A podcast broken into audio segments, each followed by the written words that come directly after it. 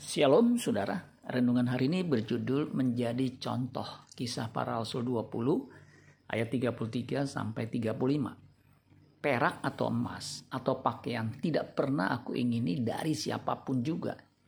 Kamu sendiri tahu bahwa dengan tanganku sendiri aku telah bekerja untuk memenuhi keperluanku dan keperluan kawan-kawan seperjalananku.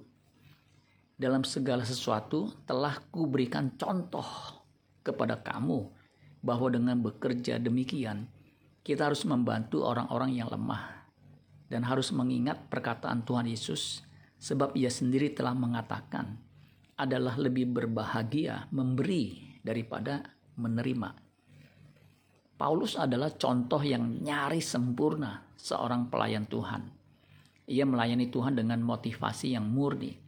Dia bukan saja berani berkata-kata, tapi ia membuktikannya dalam kehidupannya. Paulus harus bekerja keras demi mencukupi kebutuhan hidup dan pelayanannya. Ia sebagai pembuat tenda. Pekerjaan membuat tenda adalah pekerjaan kasar, menial job. Paulus tidak malu melakukan pekerjaan itu. Sikap Paulus ini patut menjadi acuan bagi hamba Tuhan masa kini. Karena itulah yang dikehendaki Kristus atas semua pelayan Tuhan Pelayan Tuhan harus memberi hidup, bukan mendapatkan hidup dengan mengharapkan uang dari orang yang dilayani. Jika pelayan Tuhan mempraktekkan hal ini, melayani demi uang, maka ia bukanlah pelayan Tuhan yang Kristus kehendaki. Suatu ketika Kristus akan berterus terang tidak menyukainya dan mengusirnya.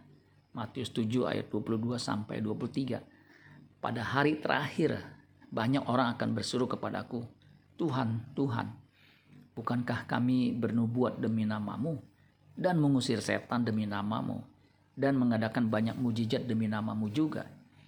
Pada waktu itulah aku akan berterus terang kepada mereka dan berkata, Aku tidak pernah mengenal kamu. Nyahlah daripadaku kamu sekalian pembuat kejahatan. Amin buat firman Tuhan. Tuhan Yesus memberkati. Sola Gracia.